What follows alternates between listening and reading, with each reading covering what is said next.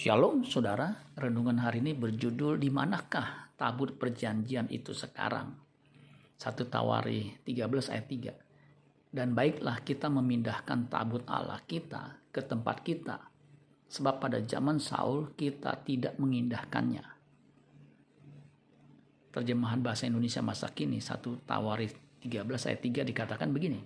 Kemudian kita pergi mengambil peti perjanjian Allah yang telah dibiarkan terlantar selama pemerintahan Raja Saul.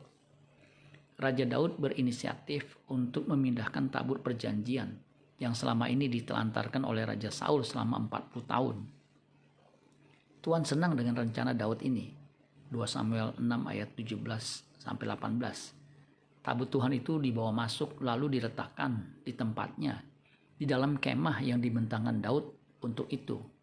Kemudian Daud mempersembahkan korban bakaran dan korban keselamatan di hadapan Tuhan.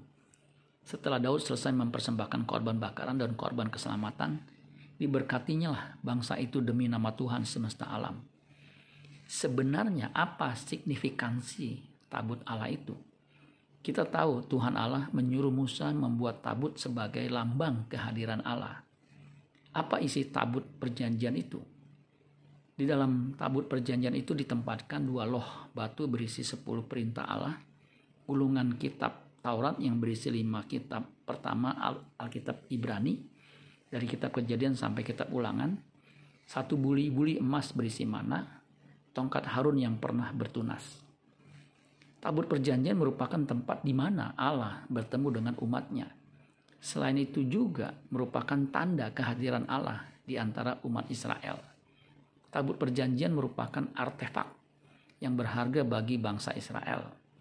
Untuk ukuran tabut perjanjian, dalam keluaran 25 ayat 10 dituliskan bahwa dua setengah hasta panjangnya, satu setengah hasta lebarnya, dan satu setengah hasta tingginya. Kalau dikonversi panjangnya sekitar 114 cm, tinggi 70 cm, lebarnya 70 cm juga.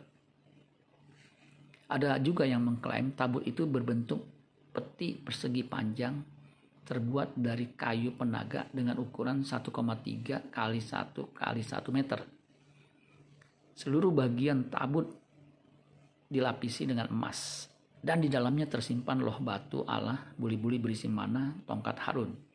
Tabut perjanjian memiliki penutup yang disebut, yang disebut tutup pendamaian terbuat dari emas serta terdapat dua kerup emas yang saling berhadapan dengan sayap berkembang. Tabut ini memiliki empat gelang pada setiap penjurunya agar kaum Lewi dapat mengangkatnya ketika bangsa Israel berpindah tempat. Untuk mengangkat tabut digunakan tongkat kayu yang dimasukkan ke lubang gelang-gelang pada keempat penjurunya.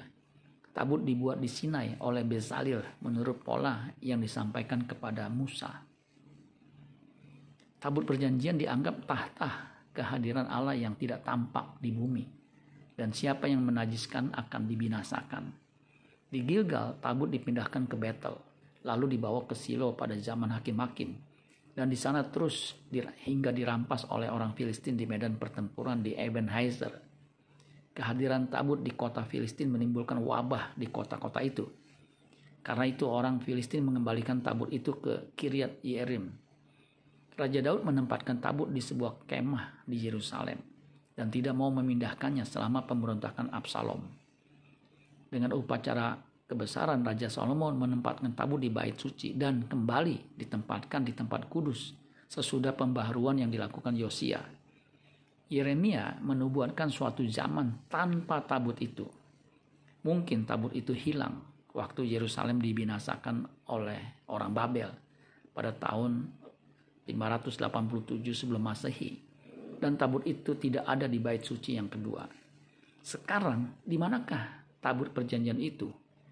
Nobody knows. Konon katanya tabut perjanjian sekarang berada di Ethiopia. Para peneliti mengklaim bahwa sekte Yahudi yang dipimpin oleh Raja Manasye dari Israel membawa tabut perjanjian melalui Sungai Nil. Peneliti dan arkeolog yang tergabung dalam Bible Archaeology Search and Exploration Institute, Institute, mengklaim bahwa mereka telah menemukan tabut perjanjian. tim peneliti dari BS BASE BASE menemukan bukti yang meyakinkan bahwa tabut perjanjian dibawa keluar melalui sungai Nil. Tabut perjanjian sekarang berada di dataran tinggi terpencil dari Kus kuno, sekarang disebut Ethiopia. Para peneliti mengklaim bahwa sekte Yahudi yang dipimpin oleh Raja Manasya dari Israel membawa tabut perjanjian melalui sungai Nil. Bagi umat PB, umat perjanjian baru, kehadiran Allah sudah dinyatakan dalam Kristus. Yohanes 1 ayat 10 sampai 18. Ia telah ada di dalam dunia dan dunia dijadikan olehnya, tetapi dunia tidak mengenalnya. Ia datang kepada milik kepunyaannya, tetapi orang-orang kepunyaannya itu tidak menerimanya. Tetapi semua orang yang menerimanya diberinya kuasa supaya menjadi anak-anak Allah, yaitu mereka yang percaya dalam namanya Orang-orang yang diperanakan bukan dari darah atau dari daging, bukan pula secara jasmani oleh keinginan seorang laki-laki, melainkan dari Allah. Firman itu telah menjadi manusia dan diam di antara kita, dan kita telah melihat kemuliaannya, yaitu kemuliaan yang diberikan kepadanya sebagai anak tunggal Bapa, penuh kasih karunia dan kebenaran.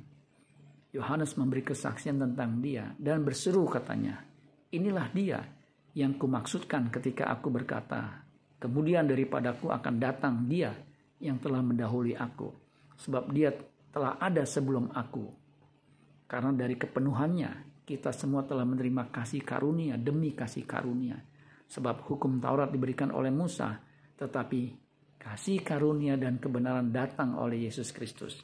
Tidak seorang pun yang pernah melihat Allah, tetapi anak tunggal Allah yang ada di pangkuan Bapa dialah yang menyatakannya. Sesungguhnya Tuhan berkenan hadir dan berdiam di, di dalam orang percaya untuk menyertainya senantiasa. 1 Korintus 3 ayat 16. Tidak tahukah kamu bahwa kamu adalah bait Allah dan bahwa roh Allah diam di dalam kamu. 1 Korintus 6 ayat 19. Atau tidak tahukah kamu bahwa tubuhmu adalah bait roh kudus yang diam di dalam kamu Roh Kudus yang kamu peroleh dari Allah dan bahwa kamu bukan milik kamu sendiri. Orang percaya yang menghayati keberadaan Allah tidak akan hidup sembarangan dan tidak akan menelantarkan kehadirannya. Bukti orang percaya menghayati kehadiran Allah adalah hidupnya makin serupa dengan Kristus. Amin buat firman Tuhan. Tuhan Yesus memberkati. Sola Gracia.